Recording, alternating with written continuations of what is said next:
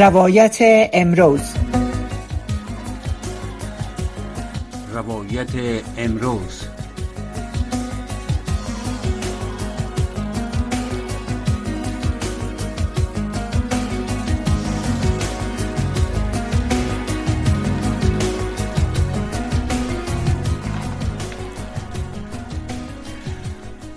سلام شنوندگان عزیز به برنامه روایت امروز از رادیوی آشنای صدای امریکا خوش آمدین. شنوندگان عزیز ملل متحد می که در حدود 110 میلیون نفر در سراسر جهان از خانه های خود به شکل آواره در جهان زندگی می کنند و طوری که شما می دانین کلمه افغان اکنون با کلمه مهاجر تقریبا وصل شده.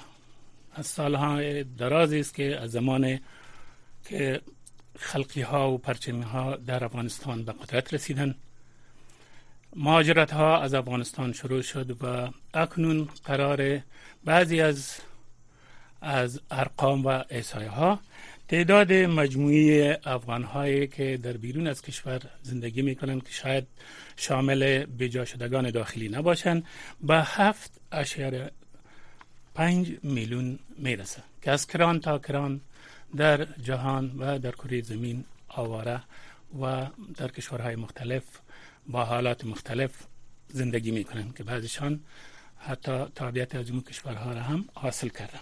خوب ما روی پیامد مهاجرت ها و اثراتش روی خاصتا افغانستان که چه تأثیرات اجتماعی اقتصادی روحی و بالاخره رفاهی و همچنان اثرات بین از مهاجرت ها چی می باشه امشب در این پروگرام خود با مهمان عالی قدر خود جناب علی حکمت ما این موضوع را البته رویش صحبت می‌کنیم. جناب علی حکمت که آگاه امور مهاجرت هستند.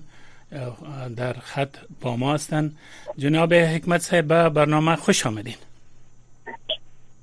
سلامت باشین من سلام خود خدمت شما و شنونده های محترم رادیو آشنا. عرض می‌کنم. تشکر از که در برنامه با ما اشتراک فرمودین. خوب جناب حکمت صاحب مثل که ما در ابتدای برنامه گفتم هفت هشیار پنج میلیون افغان به صورت مهاجر در کشورهای مختلف جهان زندگی می‌کنن به نظر شما علت عمدی که یک مهاجر یا خانواده های مهاجر کشور ترک میگن در چی است؟ بله خب چند روز دیگه با امان در روز جهانی پناهنده که این روز به مناسبت یا گرامی داشت از پناهنده های جهان توسط سازمان ملل به رسمیت شناخته شده است. بله.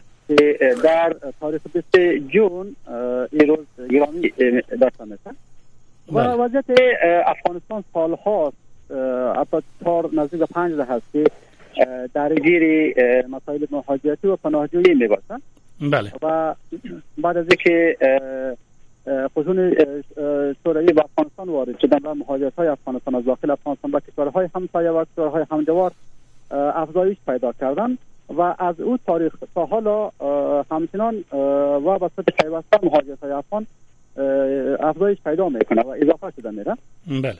و خصوصا که تا سال 2016 میلادی بیشترین مهاجرا را در جهان پناهجویان را در جهان پناهجویان افغان تشکیل می‌داد و بعد از 2015 بعد پناهجویان سوری در مرحله اول قرار گرفتن و بعد از سقوط دولت جمهوری در افغانستان به دست طالبان در سال 2021 بار دیگه موضوع داغ پناهجویان افغان در خط اول آمدن. با مو اساس خب در مرحله اول موضوع پناهندگی برمیگرده به موضوع امنیتی در داخل کشور و از اینکه سالها افغانستان درگیر جنگ های داخلی و ناامنی ها بوده و این خودش باعث تشدید مسیر یا موج پناهندگی از افغانستان به کشورهای همسایه و اقصا نقاط جهان می بله. خب وضع در مجموع طوری که دیده میشه وضع جهان آشفته است و به میلیون ها تن دیگر غیر از افغان در سراسر جهان آواره هستند. چنانچه در جایی که شما قرار دادین البته با میلیون ها سوریه از سوریه البته سوری ها افغان ها ایرانی ها و پاکستانی ها در ترکیه و در زندگی دارند. حالا اگر نتیجه گیری عمومی از این شود که وقتی کسی کشور خود ترک میگه یا مهاجر میشه آیا پیامد این کار از اونا برشان در زندگیشان تاثیراتشان تا کدام اندازه مثبت است و تا کدام اندازه منفی است؟ چی را به دست میارن و چی را در مقابل از دست میتن؟ بله. خب در مرحله اول باید روی دو کلمه مهاجر و پناهنده فرق قائل شویم.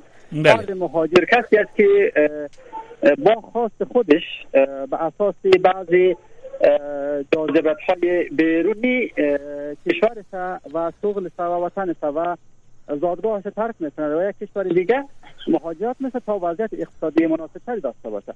اول بله. فرد پناهنده کسی است که فقط به خاطر نجات جانشان از ناامنی های داخلی در کشور به کشور دیگه پناه می‌گیره.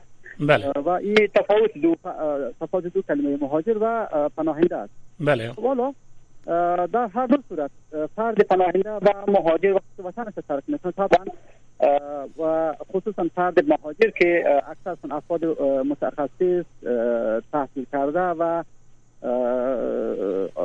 بله.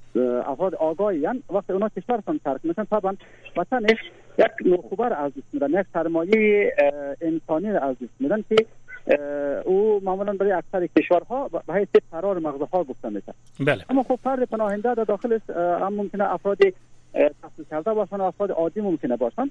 خب در هر دو صورت او کشور او انسان خود از دست میدن و او فرد خود از دست میدن و نیروی انسانی خود از دست میدن که سالها روی او دولت سرمایه گذاری کرده بودن و خب طبعا خود فرد پناهنده دقیق خراب از نظر روانی و از نظر اوری اجتماعی خیلی رو ممکن دقیق قطع وصل کیگه نپیگم چه دولا خب دوام بدین. بله بفرمایید. و خب خود فرد پناهنده ممکن از نظر اجتماعی از نظر روانی و یا از نظر اقتصادی خیلی چیزا را دست میدن ولی که خب وطنش خانه داشته بوده زندگی داشته بوده و تمام اینا رو به یک مرحله ای از دست میدن و میرن در کشور دیگه. دوباره می‌خوان از صفر شروع بکنن. و یا ای بله. در اون کشور دیگه ای که از صفر هم شروع بکنن آیا دوباره در اون وضعیتی که وطن خود داشتن می‌رسن یا نمی‌رسن؟ خیلی هستن در مسیر مهاجرت جانشون از دست میدن اعضای خانوادهشون از دست میدن. گرفتار تجاوزات جنسی میشن و یا که گرفتار باندهای قاچاق مهاجرت میشن بله. خب طبعا وقت دیگه ای که مهاجرت ممکنه نفع برای اون کشور داشته باشه. یک فرد مهاجر وقتی که به کشور دیگه سفر می‌کنن طبعا اونجا کار می‌کنن و حداقل نصفی از عایداتش نصفی از درآمدش برای اعضای خانوادهش در داخل افغانستان ممکنه بفرسته. و این بله. در فایده مثبت مهاجرت. خب بسیار خوب.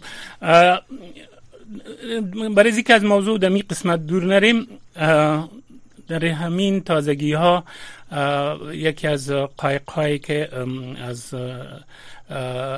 در حال انتقال امی پناهنده یا مهاجرین بودن در در آب غرق میشه و چندین تن از البته سرنشینان از این قایق ها تقریبا در هر ماه یا در بعضی اوقات این واقع رخ میده. اگر ایره ما در نظر بگیریم که فامیل ها با خانواده هایشان با اعضای خانواده هایشان و افراد بسیار زیاد در خصوصا در آبهای مدیترانه. اونا غرق میشن و خانواده ها داغدار میشه و یک یک لکه است که تقریبا دامان بشریت است که چطور در حال حاضر در قرن 21 هم مردم مجبور ساخته میشن تا کشور خود ترک بگن به نظر شما این برآمدن ها به این شکل به این خطرات قبول کردن آیا برای بسیاری ای به این میارزه که تا این اندازه جان خود به خطر بیاندازن؟ خب ببینیم که فرد پناهنده وقتی که وطن ترک می‌کنه فقط قبل از ترک وطنش هر چیز سبب سنگین می‌کنه هر بله. چیز میسنجه که خب اگر در وطن بمانم چه شرایطی پیش میاد اگر سفر بکنم یا اگر اعضای خانواده خود از خود گرفته و برم سر خود چه اتفاقات پیش میفته خب طبعا مسیر پناهندگی مسیری است که قابل پیش بینی نیست بله. و هر لحظه احتمالات وجود داره که ممکنه اعضایش در داخل آب بیفته از تو بیفته و یا که گرفتار باندهای قاچاق انسان شوه و یا اعضایش گم شوه یا یا مورد تجاوز جنسی قرار بگیره. بله. خب به هر حال اگر در وطنش بمانه ممکنه که گرفتار انتقام جویی طالبا و یا باندهای دیگری شوه. بله. و به اساس از یک ناامنی بالقوا فرار می‌کنن و ناامنی بالفعل فرار می‌کنن و تا یکی ممکنه خود به دست یک ناامنی بالقوا قرار بدن اما خب اون ناامنی بالقوا ممکنه که چیزی که قبلا قصه کردم گرفتار قاچاق باندای قاچاق شوند اعضای خانوادهش در مسیر راه از دست بدن و یا یکی از اثر گرسنگی و تشنگی در تلف شوند. خب اونا رو در نظر گرفته و احتیاط کرده راه خود در پیش می‌گیرن. بله. خب یک مسئله ام، دیگه که می‌خواستیم را ریج بحث کنیم که شما چون در ترکیه البته اقا- اقامت دارین افغانایی که به تازگی از افغانستان آمدن اینا در قسمت آمدن خود که از افغانستان میان اونا از از که مجبوریتشان چی می باشه اونا چی میگن؟ و آیا زندگی اونها در شرایط فعلی در ترکیه چگونه میگذره؟ آیا از طرف مقامات ترکی مورد پیگرد قرار می‌گیرن مورد آزار و شکنجه از طرف دیگرها قرار می‌گیرن یا نسبتا زندگی مرفتری دارن؟ حالا خب این سوال به دو بخش اگر صحبت بکنیم. یک بخشش است که اونایی که در مسیر اه، پناهندگی به مقصد ترکیه مورد آزار شکنجه و تهدید قرار می‌گیره و او افراد دیگه که خود داخل ترکیه می‌رسن و رفتار مقامات یا رفتار مردم ترکیه با اونا چگونه است؟ بله. خب اول برمیگردیم به بخش اولی صحبت که در مسیر مهاجرت خب چیزی که قابل پیش بینی نیست. معمولا گزارش های زیادی و طوری که از صحبت هایی که ما با خود مهاجرات داخل ترکیه داریم تعداد خیلی زیاد است که هنگام عبور از مرز گرفتاری قاچاق چی میشن باندهای قاچاق میشن معمولا. این زمان رخ میدن که اونا خود از مرز تیر می‌کنن از مرز مشترک ایران ترکیه تیر می‌کنن و اینجا نیروهای ترکی اونا رو نمیمونن که وارد ترکیه شوند. اونا رو اینجا در داخل ترکیه اثر انگشتشان می‌گیرن بایومتریک می‌کنن مشخصاتش کامل می‌کنن بعد اونا رو شبانه پس به سمت ایران پوشبک می‌کنن. چه رقم بله. بگیم که؟ یعنی رد مرز می‌کنن. بله. و در این جریان رد مرز شبانه خیلی هایشان راه خود گم می‌کنن.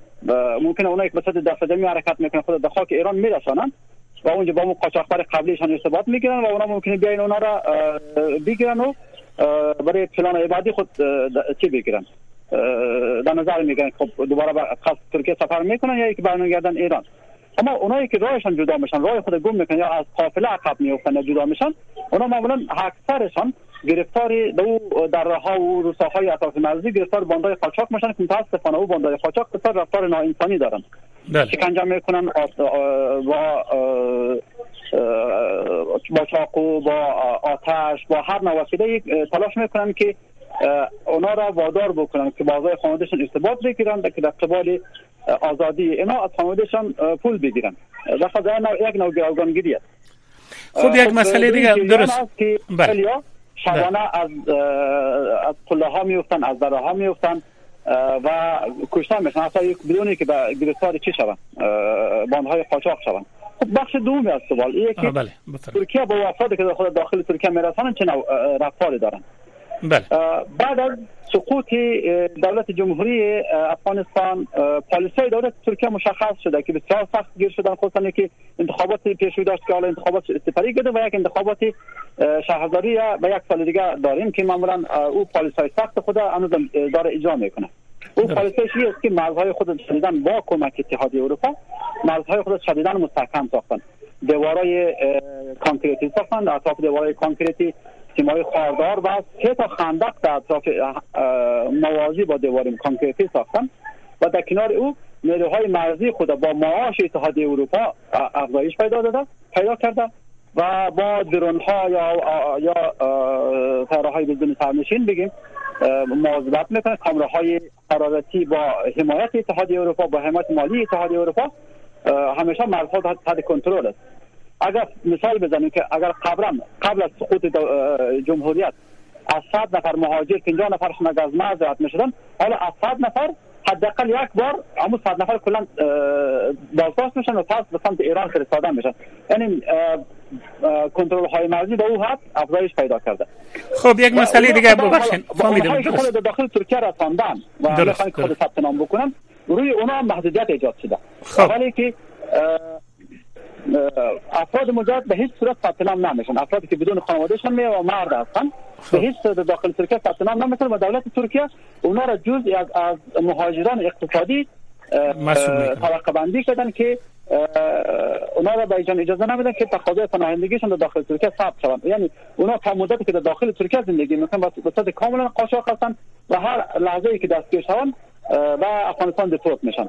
اما بخش دومی از دیگر که اونایی خانواده هستند و می‌خوان ثبت نام کنن و تقاضای پناهندگی خود در دولت ترکیه بسپارن که بعدا با همکاری کمیسیون عالی پناهندگان سازمان متحد در کشور دیگر جابجا شوند. او بخش هم دولت ترکیه محدودیت ها و شرایط دیگه ای داشتن که او خانواده باید اول تذکره داشته باشند تمام اعضای خانواده و مرد و زن باید نکاح داشته باشند.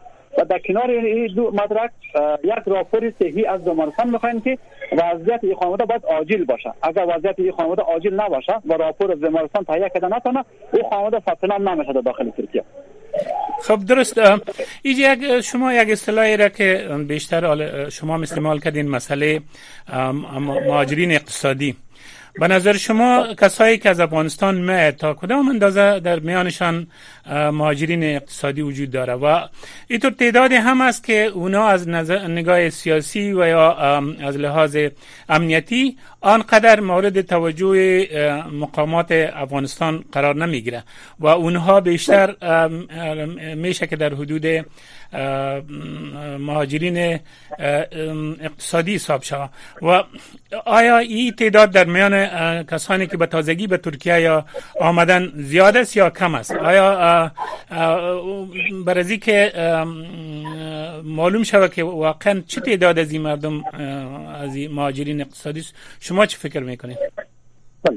خب طبعا در داخل هر بخش از جامعه پناهجویا و مهاجرا مهاجران اقتصادی وجود داره. خصوصا که در اکثر مهاجرایی که در داخل ترکیه اصلا مردای مجرد که در داخل ترکیه بازداشت میشن و در جریان بازداشتشون تعداد از با رسانه های داخل ترکیه صحبت می‌کنن. یک سال عمده از این رسانه های داخل ترکیه است که به خاطر ترکیه آمدید اما بله. خب اونا اکثر مهاجرایی که در این جریان مصاحبه ها به صورت ناآگاه پاسخ میدن یکی میگه ما برای کار به ترکیه آمدیم. یکی میگه ما برای کار به ترکیه آمدیم وضعیت خرابتر می‌سازه. یعنی بله. طبعا اونا داخل ترکیه آمد از داخل افغانستان فرار کردن آمدن در ترکیه اما چرا آمدن؟ بله. او نمیگن. اما خب یک از دلایل فرعی میگن که ما به خاطر کار آمدیم. خب طبعا اونا داخل افغانستان جنگ بود ناامنی بود. و اون ناامنی باعث شد که سرمایه های انسانی و سرمایه های اقتصادی از داخل افغانستان فرار بکنه که فابریکه ها متوقف شود کار پیدا نشود. و به ما اساس اینا او بخش اساسی را مد نظر نمیگن و بخش میگن که ما برای کار آمدیم. و این مصاحبه ها داخل ترکیه وسط راپورهای علمی راپورهای دولتی در اداره مهاجرت ترکیه میره و اونا تصمیم گیری می‌کنن که اکثر مردای مجرد این بخش اقتصادی کامل است و اساس اونا را طبقه بندی می‌کنن و نمی‌گذارن که داخل ترکیه ثبت نام شوند خب یک تعداد از مردم در افغانستان خصوصا در سالهای اخیر در ترکیه رفتن و اونجا بعضی از خانه خریدن و در در کشورها زندگی می‌کنن. آیا این مردم کدام امتیاز خاصی نسبت به سایرین دارن و آیا زندگیشان بهترتر و مرفتر است و مسئله کار و عاید زندگیشان معیشتشان چگونه می باشه خب طبعا او بحثه که داخل اونا با یک نخبه اقتصادی و نخبه علمی بودن که از داخل افغانستان به صد خانه داخل ترکیه آمدن و اینجا خانه خریدن یا به اساس او امتیازهای علمی یا نخبه که داشتن اینو در داخل ترکیه اونا به نحو پذیرفته شدن. ترکیه به اونا اقامت دادن و یا تابعیت یا شهروندی ترکیه رو به اونا اعطا کردن. و اون بله. بخش امتیازات بسیار خاصی دارن. اولی که اگر اونا شهروند ترکیه شده باشن که با یک فرد ترکی هیچ تفاوتی نداره. حق رای دارن.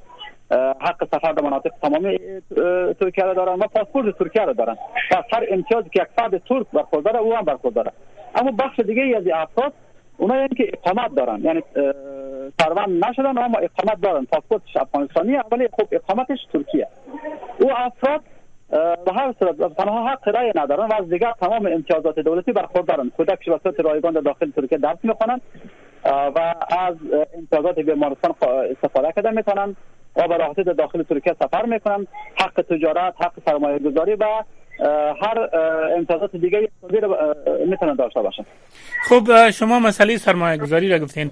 آیا تعداد کسانی که از سرمایه افغانستان در ترکیه اونا سرمایه گذاری کرده باشند قابل ملاحظه است در ترکیه و کاروبارشان که دکانداری و مغازه‌داری و دیگه دیگه بزنس هاست اونا این کارا را در تا کدام اندازه در کاروبار خود موفق هستند خب ببینید اکثر موج بیشتری مهاجر افغانی که در در ترکیه آمدن. خود مهاجر افغان از ترکیه آمدن. بعد از سقوط دولت جمهوریت بودن. بله. و اونا تازه یعنی تا هنوز در این یک سال یک سال وضعیت بازار کنترل می‌کنن. که وضعیت بازار چیکار بکنیم؟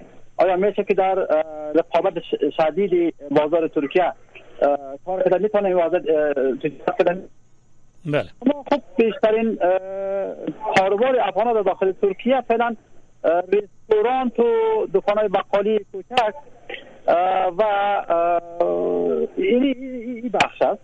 یعنی بسیار سرمایه گذاری بزرگ ندارن بسیار سرمایه بزرگ ممکنه که تعداد آپارتمان و خانه خریده باشن و سرمایه گذاری که خیلی عمده باشن نیست. خب.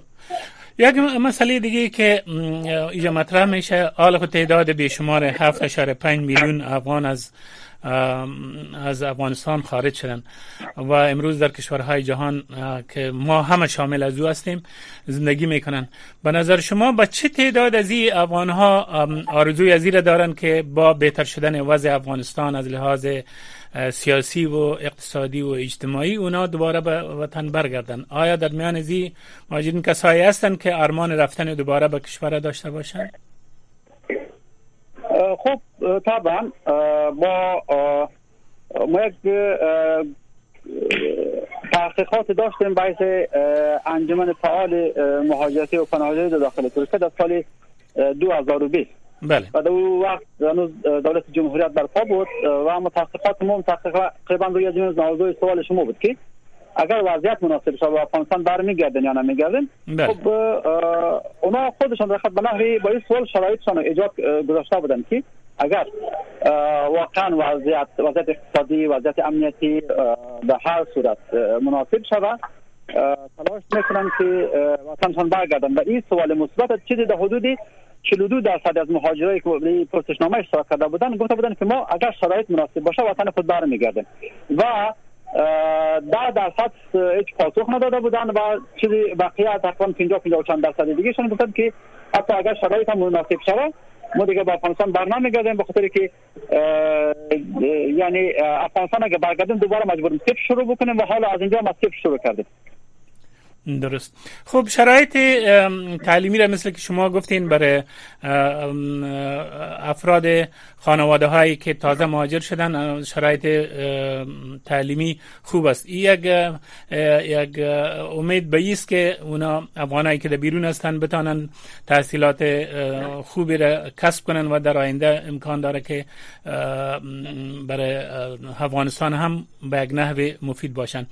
به نظر شما اگر این افغانایی که در مجموع در دنیا پراگنده هستند آیا راههای وجود خواهد داشت که اینها با امی موقفی که دارن در آینده افغانستان به یک نحو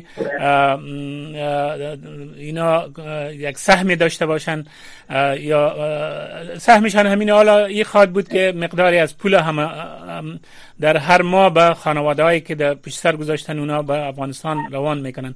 در پالوی ازی دیگه کدام مف... افادیت یا مفیدیتی برای آینده افغانستان خواهد داشتن به نظر شما؟ ای کسایی که در بیرون از افغانستان هستند یا خیر؟ خب ببینین خب اول از, ما از کیفیت تحصیلی کیفیت آموزشی کشورهای دیگه در نظر بگیریم. حالا تقریبا یک اشاره 7 میلیون مهاجر افغان راست که به صورت رسمی در پاکستان ثبت است و خب نزدیک به 3 میلیون احتمالا برسه و نزدیک به 3.4 میلیون مهاجر ثبت رسمی در ایران است و طبعا تعداد افراد راه سر خیلی بهتر از تا حدود 5 میلیون ممکنه برسه در ایران. این دو کشور نظر تحصیلی برای مهاجر افغان خیلی سرمایه گذاری نکرده. و افرادی که از این کشور اگر قرار باشه وضعیت افغانستان مناسب تو از این کشور برگرده و چیشان به جز افراد تحصیل کرده که شرایط تحصیلی برشون در ایران و پاکستان مهیا بوده به دست خالی میگردن ممکنه ممکنه فایده برای افغانستان برسه. و افراد متخصص اگر برگرده ممکنه از او تجربه های تحصیلیشون از تجربه های کاریشون از تجربه های آموزش های عالیشون در داخل افغان استفاده کرده بیتنن ولی خب حالا کیفیت تحصیلی ترکیه را اگر مقایسه بکنیم و کشورهای اروپایی و آمریکا را افرادای تحصیل کرده ای که در جریان مهاجرتشان در ترکیه اروپا و آمریکا و استرالیا اونجا بودن و اگر شرایط مناسب تو اینا برگردن در داخل افغانستان طبعا اینا سرمایه های علمی افغانستان است و طبعا اینا اگر برگردن در داخل افغانستان مثل که افغانستان را بهترین نحو چی کنن؟ مدیریت بکنن. اما که در جریان 20 سال دوره جمهوریت بعد سقوط دوره اول طالبا بخش بزرگ از این نخبه های علمی در داخل افغانستان برگشتند و دانشگاه ها را اداره کردن مؤسسه های غیر انتفاعی مدیریت کردن و همچنین در دولت در مدیریت دولت جمهوریت نقش به سزایی داشتن. خب یک مسئله آخری پیش از که بریم یا فقط یک دقیقه وقت داریم. در یا آخر یکی از مقامات طالبا گفتن که ما دیگه داینده نمی‌گذاریم که افغان ها خصوصا افغان های تحصیل کرده و چیز فهم از افغانستان خارج شوند و از کشورهای غربی و دیگه کشورها خواستن که مانع از این شوند که دیگه افغان ها از خاک از افغانستان بیرون شوند برای که افغانستان از لحاظ تعلیمی یافته به مشکل مواجه میشه. به نظر شما این خواستشان معقول است در شرایط فعلی یا از روی صدق و صفاست یعنی ببینید ما در حقیقت این به صورت یک لافی مطبوعاتی می‌دانم و طبعا طالبا تا شرایط زندگی برای افراد تحصیل کرده در داخل افغانستان نکنه هیچ فرد تحصیل کرده با این شرایط در افغانستان نمیمانم. و نخواهم ماند و خود طبعا با ای که دولت طالبا قول داده بودن ما دیگه انتقام نمی‌گیریم از افرادی که در دولت قبلی کار کردن نه از نیروهای امنیتی نه از افراد تحصیل کردن نه از مقامات. اما چنین نبوده و انتقام ها هم همچنان صورت می‌گیره و با این سب اکثر کسا فعلا با این شرایط نمی‌خوان که داخل خب تشکر. دولت طالبا. بله تشکر. این حاصل داخل به صورت اکلاف مطبوعاتی خب تشکر. شنوندگان عزیز ای بود برنامه امشب روایت امروز ما که در قسمت مهاجرت ها در افغانستان تقدیم شما شد تا برنامه آینده شما را به خداوند بزرگ و یکتا میسپاریم. شبتان خوش.